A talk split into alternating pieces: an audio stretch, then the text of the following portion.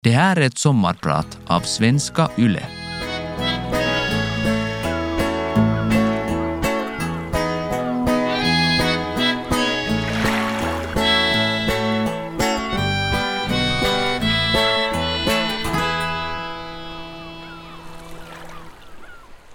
Jag hade skumpat runt på skogsvägarna i den gamla skolbussen med orangebruna säten i 45 minuter. Jag var den näst sista att stiga av. När jag kom hem den dagen förstod jag att det inte var en vanlig grå decemberdag. Det fanns flera bilar än normalt på den snötäckta gården och när jag steg in genom dörren möttes jag av ljud, en tung luft och många människor. En släkting kom fram till mig, böjde sig lite neråt och sa Papp den har lämnat i skoje. Jag förstod inte riktigt, men ändå allt. Det sjönk sakta in i mig att jag antagligen såg min pappa vid liv sista gången när han på morgonen packade sin gröna ryggsäck för dagens jaktpass. Jag sjönk ner i min runda omslutande rottingstol och tuggade på en trekantig hembakt rågsmörgås som en annan släkting hade satt ett tjockt smörlager på. Jag var tolv år och kände mig på något sätt lugn och förberedd. Det var här nu, det jag sjungit om i bönehuset från min lilla röda sångbok. När sedan för alltid min sol sjunker ner, jag vaknar en morgon i himlen och ser, och så vidare. Då brukade tårarna tyst rinna ner för mina kinder, för jag kände att jag inte ville dö än. Men nu levde jag, och tårarna rann, för min pappa var död. Det var kanske så det började, eller snarare förstärktes. Mitt behov av att samla, omfamna, ta tillvara, minnas, när något kärt eller önskat tas ifrån oss kan det vara skönt att ha något fysiskt att fästa minnet vid. För att ha en del kvar av något som fanns eller något som inte blev. På pappas nattduksbord fanns en tom chokladask med rosor på. I den samlade jag omsorgsfullt ihop de saker som jag förknippade med honom. En sisoask, en klocka, ett brev, hans bankbok, några fotografier, dödsannonsen och en porslinsmus. Ja, Samlandet kan börja och se ut på många olika sätt. Mitt namn är Eja Lund, jag är en samlare, jag vill ha mer. Idag är jag din sommarpratare. I tanken på mina tidiga barndomslandskap återkommer jag trots tårarna till ett lyckligt sagorike. Vi bodde ensligt. Mina föräldrar fanns alltid någonstans på gården. Jag tänkte inte så mycket på var. Det fanns och jag höll på med mitt. Djur hade vi av olika slag, i olika omgångar. Kor, getter, får, hönor, minkar, kalkoner, tjubbar, katter, vandrande pinnar och en hund, en svart byracka som överföll mig med ett dovgrovt morrande och högg sig fast i min axel när jag som fyraåring skulle mata den med slaktavfall. Pappa greppade genast geväret och sköt den. Samma sommar flyttade en jämngammal flicka till byn. Hon blev min bästa vän, vi byggde kojor, rymde och badade, gick in till grannarna och sålde saker. Vi lekte arkeologer och grävde upp skärvor ur åkrarna, ristade hjärtan i sten och samlade på bilars registernummer. Mina tre systrar, många år äldre än jag, höll på att flytta hemifrån. Men när de var hemma var det fest för mig. Ibland sov vi alla i samma rum. Det var saker och kläder överallt. Jag fick höra dem prata om sånt jag inget visste om. De högläste brev, sjöng, spelade upp kassettband och jag tjuvlyssnade ibland på deras telefonsamtal. Men annars lekte jag ofta ensam. I byn hände det inte mycket, men i min värld desto mer. Jag omgavs av lugn och trygghet, en stabil fond som drog mig ut i kreativitetens undersökande utmarker. Det enklaste skräp förvandlades till material med oändliga möjligheter, både i fantasin och i praktiken. Det skaparbehov jag hade satte antagligen frö till ett sorts beroende av saker. Att växa upp på en liten ort gjorde alltså mitt eget universum större. Jag levde i närkamp med begränsningar och möjligheter. Att bygga en kiosk var inga problem, men att få någon att stanna till var desto svårare. Det kom inte så många bilar genom byn på en dag. Tog bensinen slut i mopeden var det bara att gå, långt.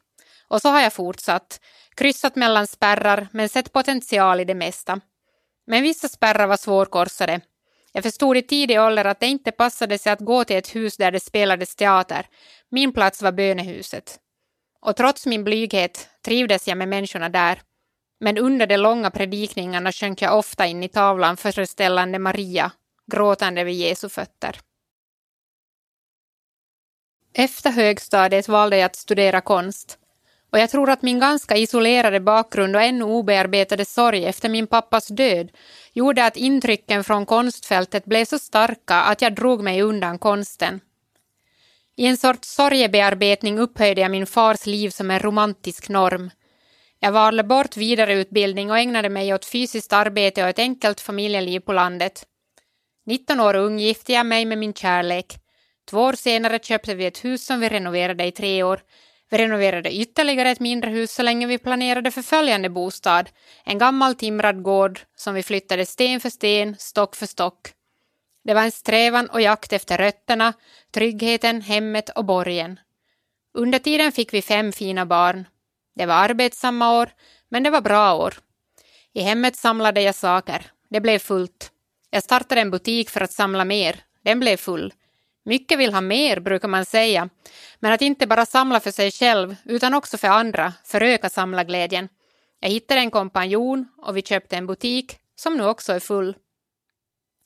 Vart efter livet fortsatte med glädje och sorg, familjeliv och företagande, vänner och vardag började en stark vilja gro inombords, en vilja att uttrycka mig mer, utvecklas och använda min nyfikenhet och kreativitet på flera sätt. Jag studerade fotografi i fyra år, vilket öppnade dörrar till helt nya sätt att se och möta min omvärld. Jag minns att jag efter de första föreläsningarna frågade mig varför ingen hade berättat för mig att den här världen fanns. Men samtidigt insåg jag att det var jag själv som hade stängt av. Jag sög in, antecknade, trivdes, frågade, pratade, kände mig pinsam och pratade ännu mer. Jag reste utomlands och träffade människor med helt andra erfarenheter och världsbilder än mina egna. Det var oerhört berikande. När det var dags att göra ett examensarbete och välja ett tema som jag kunde närma mig ärligt stod valet mellan min tro och det faktum att jag är en samlare. Jag valde det senare och började skriva en prototyp av en bok med titeln Jag är en samlare, jag vill ha mer. Att jag skulle göra en bok var också ett ganska enkelt val eftersom man i en bok kan samla väldigt mycket på en liten yta. Jag har alltid tyckt om böcker, om ord, att se bilder i ett bestående tryck och hålla det fysiska i min hand. Det dokumenterande sättet har också följt mig sedan barn, antingen i bild med min pocketkamera eller i egenhändigt gjorda anteckningsböcker. Jag hade en bok för allt. Där skrev ner vilka kläder jag hade på mig, hur många minuter jag hade pratat i telefon per dag, vilka saker jag hade tillverkat, till och med var jag hade köpt mina mensskydd och vad det kostade. Alltid vad sakerna kostade. Boken, som jag gav ut på eget förlag, blev 416 sidor lång med över 400 bilder och den handlar om min egen resa genom livet som samlare och vilka människor jag har mött. Jag har försökt närma mig den samlande människans mekanismer och gå bortom föremålet, gräva djupare i vad vi gör med sakerna och vad sakerna gör med oss. Det är inte alls ett enkelt ämne. Och det är väl samtidigt det fascinerande. Samlandet är vitt och brett förekommande i alla dess former, men det är ändå svårt att sätta ord på samlandets kärna och inringa den konkret och exakt. Och frågan är ibland om jag ens vill. Rör alldeles för mycket i samlandets gåta, för alla de känslorus och upplevelser jag har kopplade till samlandet får gärna stanna så, som livsförhöjande oförklarlig eufori. Mina saker har på något sätt en uppgift lik ett husdjurs. Det finns troget till hands och är formbara efter mina behov och sinnesstämningar. Med mina saker har jag en tyst ömsesidig kommunikation. Genom dem kan jag sortera tillvaron. Jag formar en fiktiv fantasivärld där vad som helst kan hända. Mina samlingar har relationer med varandra på olika sätt. De är beroende av varandra. Krokodilerna måste ha pianotangenter att stå, hoppa och spela på. Prorören kräver sina termometrar och dockorna jag just köpte på loppis trivs att leka med minigrisarna i glas. Löständerna behöver fotografierna från tandläkarstationen och porslinskatten dricker pärlorna ur mjölkkannan och suddgummit röjer spåren. En samlare berättade för mig att han ofta gömmer leken bakom forskning, kunskap och systematisering i rädsla av att bli betraktad som tokig eller att helt förlora sig i leken och förlora förståndet. Jag tror att jag omedvetet har valt att hålla kunskapen på avstånd eftersom jag gick in i vuxenrollen och ansvarstagandet tidigt. Mina föremål fredade jag då för fri fantasilek och ville inte koppla dem till något förstånd. När jag umgås med min samling är det ett sätt att utöva makt. När jag har tusen saker på gång i mitt huvud och allt grötar ihop sig är det befriande att klämma åt och kontrollera ett begränsat område. Jag kan höra mig själv och andra samlare säga det här är inte normalt, syftande på de olika verksamheter vi på ett eller annat sysselsätter oss med i relation till vårt samlande. Det är klart att många samlarsysslor kan ifrågasättas, men varje pulshöjande aktivitet som ger glädje och inte skadar någon annan ser jag mer som friskvård än sjukdom. Men vilka konkreta saker samlar jag på då? Ja, i barndomen började det med ganska klassiska saker, såsom stenar, frimärken, servetter, suddgummin, brevpapper, ishockeykort och tepåsar.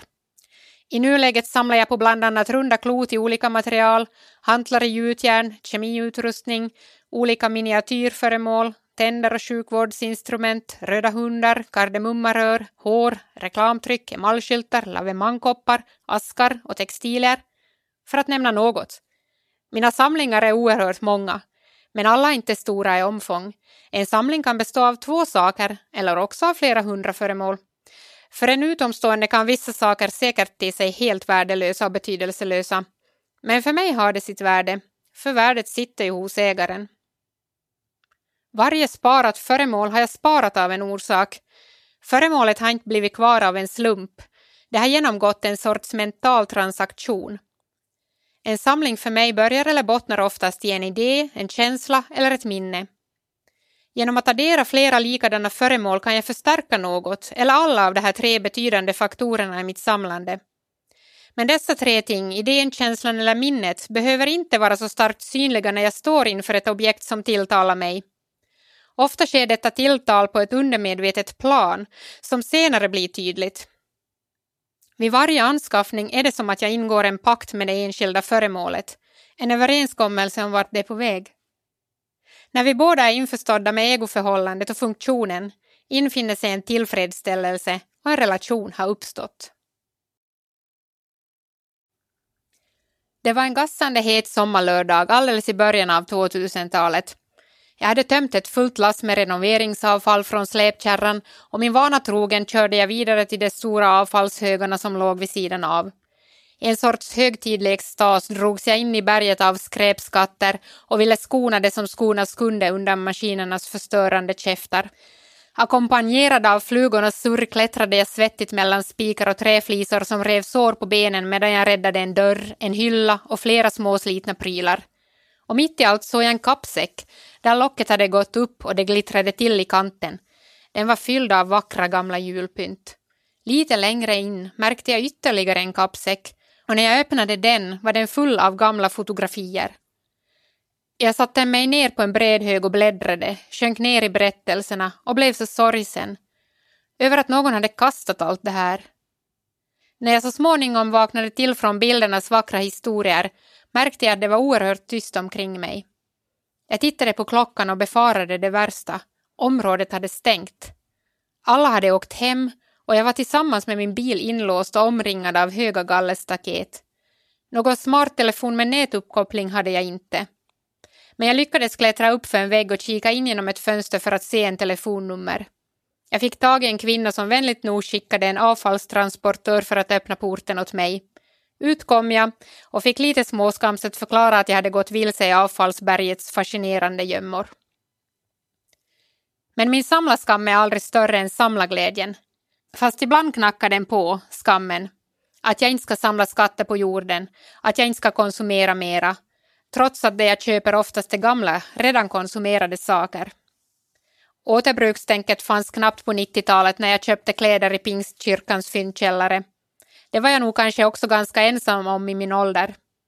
På den tiden besökte man loppis för att man var utan pengar, inte för att man ville göra ett klimatsmart val. För mig var det att söka efter det udda och unika. Ett inköp jag speciellt minns är en randig polotröja i konstfiber från 70-talet som mitt långa hår inte alls kom bra överens med.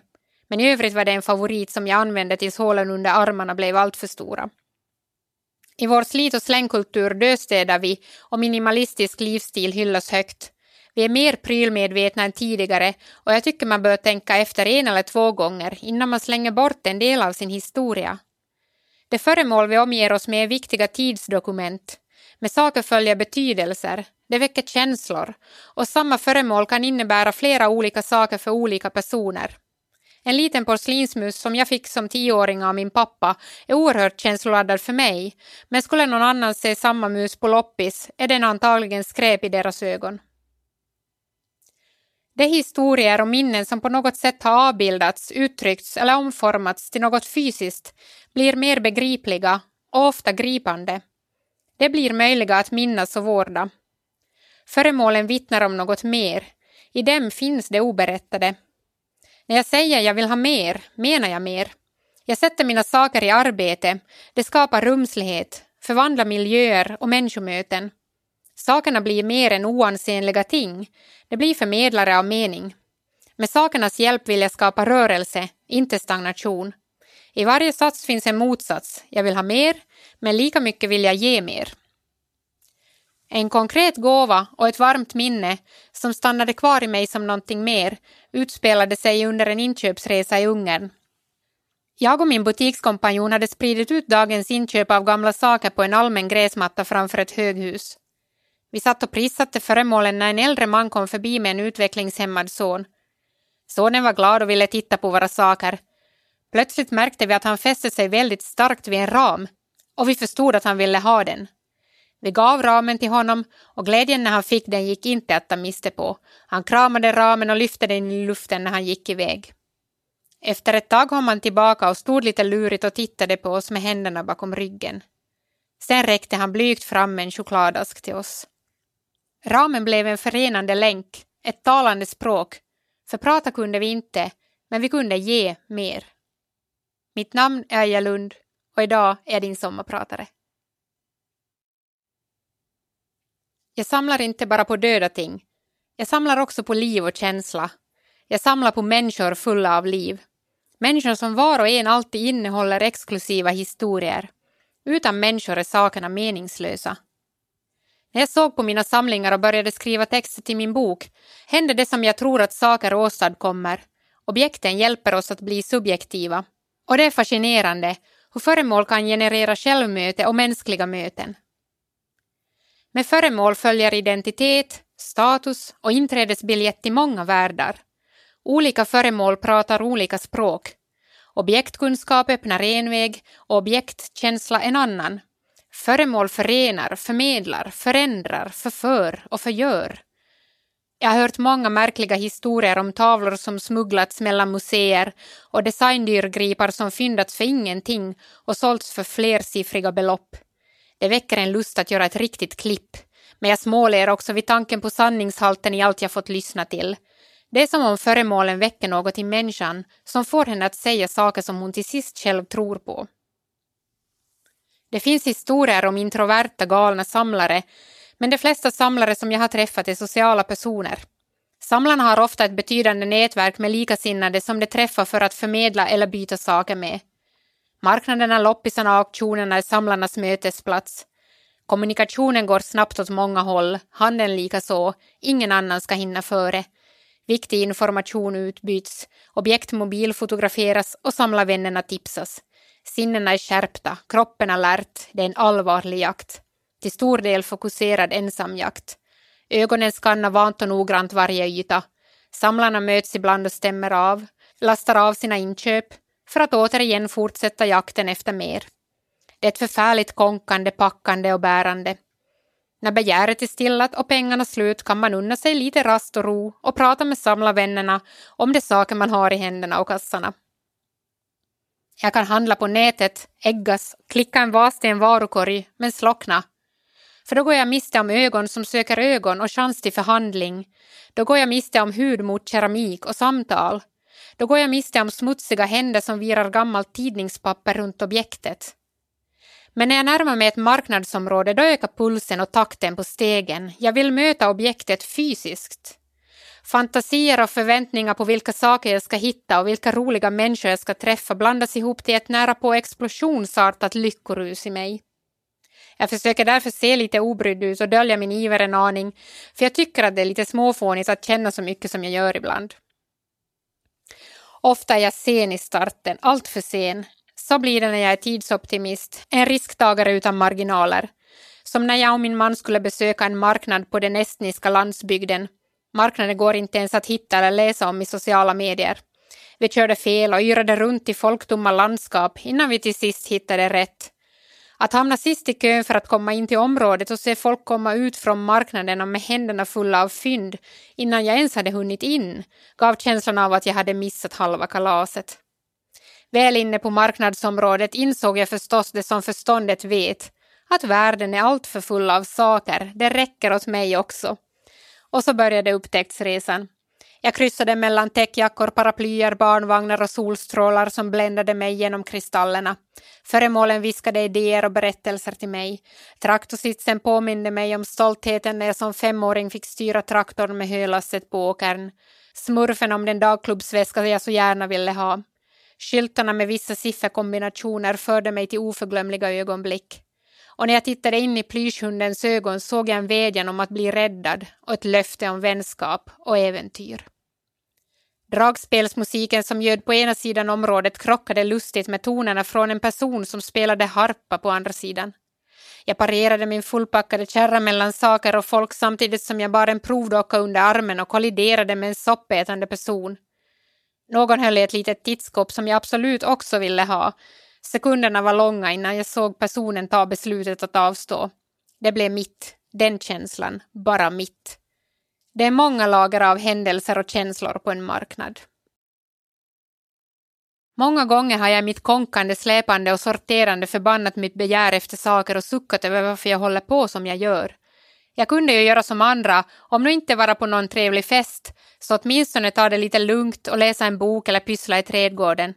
Men istället hittar jag mig ofta svettig med smutsiga händer och kläder i färd med att surra fast ett skåp på en rostig släpkärra. Och några andra, ganska många prylar jag tydligen också behövde. Vad handlar galenskapen om? När vi förr i tiden samlade för vår fysiska överlevnad har vårt samlarbehov idag blivit mer av en mental överlevnad. Det finns allt från arkeologiskt och institutionellt samlande till nördig personlig objektfixering och det finns mycket forskning om samlande. Psykologiska analyser där det anses att relationen mellan ting och människa kan vara ohälsosam och bottna i samlarens kärlekslösa barndom. Antropologer och sociologer lyfter däremot fram relationen till tinget som ett hälsosamt och identitetsskapande uttryck.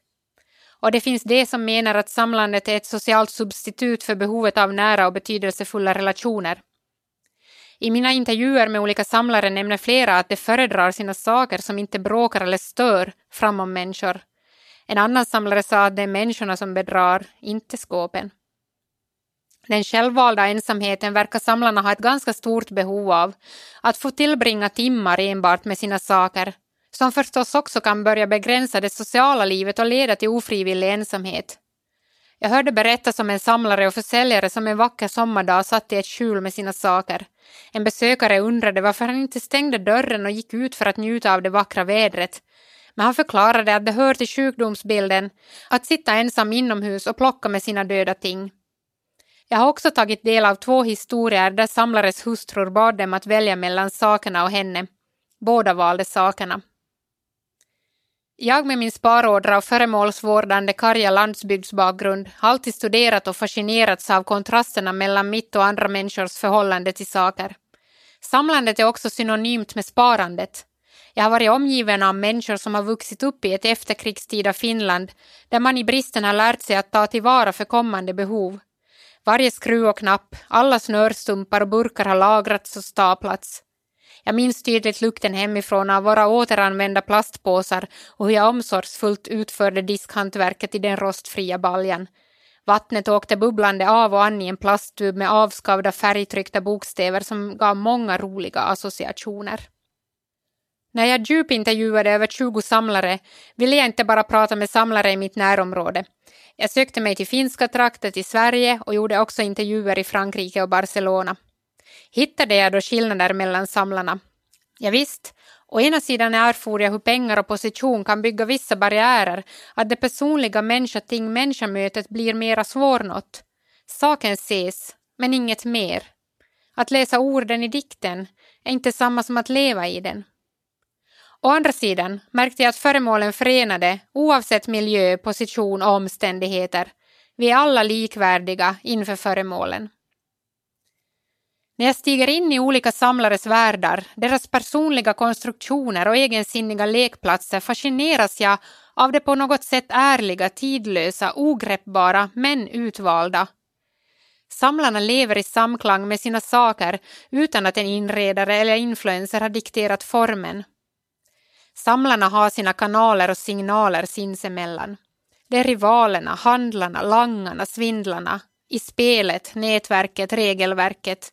Det är vänskapen, lojaliteten, samhörigheten mellan gelikarna, dårarna, kamraterna.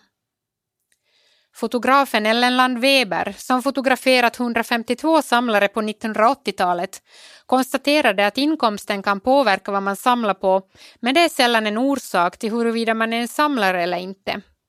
En samlare använder sin samling för sin egen tillfredsställelse, inte för att göra pengar på den.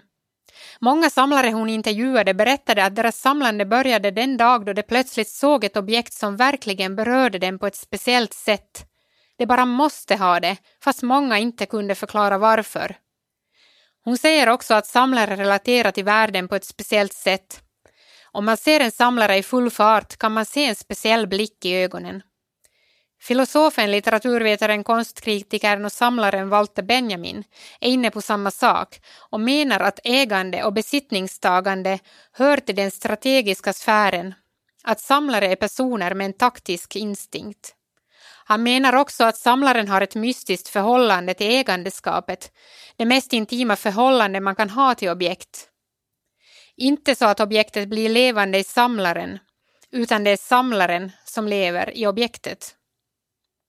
För mig fungerar objektet som känslobehållare. Känslorna finns i objektet, men objektet finns inte i kroppen. Däremot syns det kroppsliga i mina samlingar av tänder, hår och dockkroppar. Jag har ett intresse för att operera i sinnet, förstå mig på hur människan agerar, och det är ju nästintill omöjligt att helt förstå. Då blir själva skalet, kroppen, behållaren av det levande, något konkret och hanterbart. Och det i sin tur leder vidare till varför huset, hemmet, kroppen för människovarelsen också i förlängningen blir så viktig för mig. Skalet som håller om livet, vad jag väljer att sätta i det. Många brukar undra var gränsen går mellan att vara en samlare eller att vara en hamster eller hårder. Det brukar jag också fundera på och tycka att jag har drag av alla de slag. Men man kan nog säga att samlaren har en tydlig logik i sitt sätt att samla och hantera sina föremål. Det är en aktivitet som görs målinriktat och selektivt. Varje objekt har en speciell mening. Samlaren söker variation och kompletterar serier. Det är bara i vissa fall samlaren samlar flera av samma sak, i så fall som reservobjekt. Men när vi pratar om hamstrande, något patologiskt, samlar en sådan person flera av samma objekt. Det blir till sist anhopningar och börjar begränsa personens vardagsliv. Sakerna tar över. Däremot har hamsterpersonligheten faktiskt oftast en tanke om att använda sina objekt i framtiden och se dem som något som är bra att ha och omöjliga att göra sig av med. Lite som preppers, som aktivt samlar beredskap vid eventuella avbrott i det fungerande samhället. Influerade av vissa tv-program kanske vi i första hand tänker på en samlare som antingen antikexpert eller galning. Men jag vill också bidra med andra sidor av samlandet. Sidor som skrattar av lekfullhet och vågar bryta reglerna. För mig är det mycket lek, lust och upptäckarglädje i samlandet. En enda höst hade vi möss i huset. Jag samlade alla. En annan gång samlade jag alla bananskal jag åt under en resa. De klämmor som försluter brödpåsar har jag från och till tagit tillvara under åtta år. På varje klämma finns ett datum.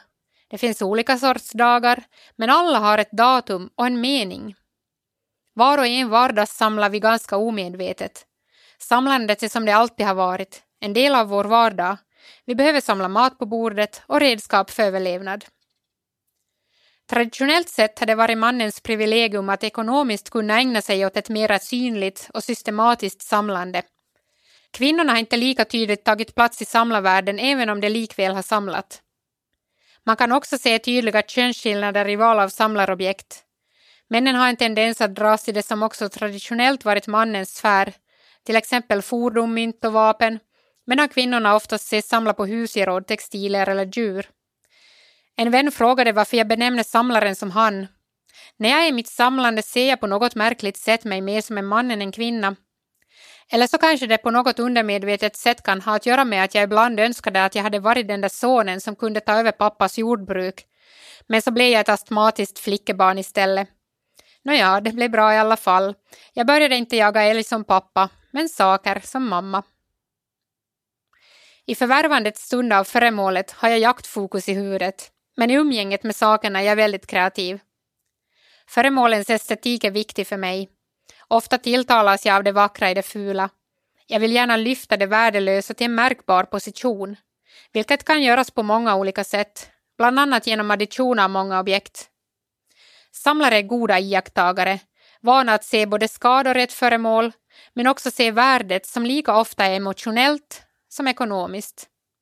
Lustigt nog är de mest och minst eftertraktade föremålen det svåraste att få tag i. Och där finns väl någonting av samlandets lust och utmaning, att lyckas hitta det svårfunna. Och när man hittar det svårfunna vill man visa upp det. Det finns två sidor av det här. Samlaren i mig vill visa samlingarna sådana de är. Jag uttrycker mig med hjälp av mina saker och sakerna blir som en förlängning av mig själv. Det bekräftar min mänsklighet, förstärker min personlighet. Konstnären i mig vill använda föremålen på ett annat sätt, som metaforer. En del forskare menar att samlarbeteendet kan härröras till samlarens tidiga trauman och att samlaren är en bekräftelsesökande person.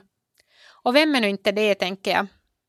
Sällan är väl något bara si eller så, men jag tycker det är intressant att resonera kring olika ingredienser, erfarenheter och föremål man har i sitt liv. De flesta människor har väl i större eller mindre utsträckning varit med om livsomvälvande händelser som man hanterar på olika sätt. Vissa personer kanske bearbetar trauma genom föremål, andra genom något annat.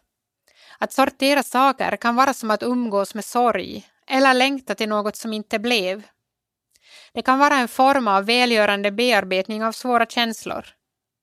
Ur bristen, att inte ha, att inte bli sedd, att inte känna, där gror längtan efter mer. I frånvarons tillstånd föds en önskan om tillväxt. Uttrycksbehovet, liksom bekräftelsebehovet, pyr. Skrivandet av min bok började som ett försök att frigöra mig från objektet och röra mig mer mot människorna. Men det är svårt och inte ens alla gånger nödvändigt att överge en sida hos sig själv som man inte vet hur man ska hantera. Det kan vara bättre att konfrontera den, utforska den och använda den. Jag kommer alltid att dras till föremål. Sakerna är en känsloplats och en fantasivärld. Sakerna är längtan till och längtan bort. Sakerna är en viloplats från människorna. Men de döda tingen ger mig också lust till liv. Det får mig att minnas och gå in i de olika känslotillstånd som starkt berört mig och som jag vill beröras av. Och så svänger pendeln av och an mellan liv och död. Och på tal om livets ytterligheter vill jag återknyta till sången som jag som barn i bönehuset alltid blev gråtmild av. Den första strofen lyder Jag har inga sorger i världen.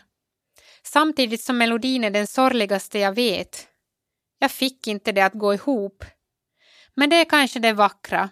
Vi behöver inte få livet att gå ihop. Det kan vara vackert när livet krockar. Där finns spänningen i motpolerna. Där, mellan dem levs livet och sakerna, det är bisaker i jämförelse med liv, själ, tro och hopp. Men jag vill använda sakerna för att se människan mer. Mitt namn är Aja Lund och idag har jag varit din sommarpratare.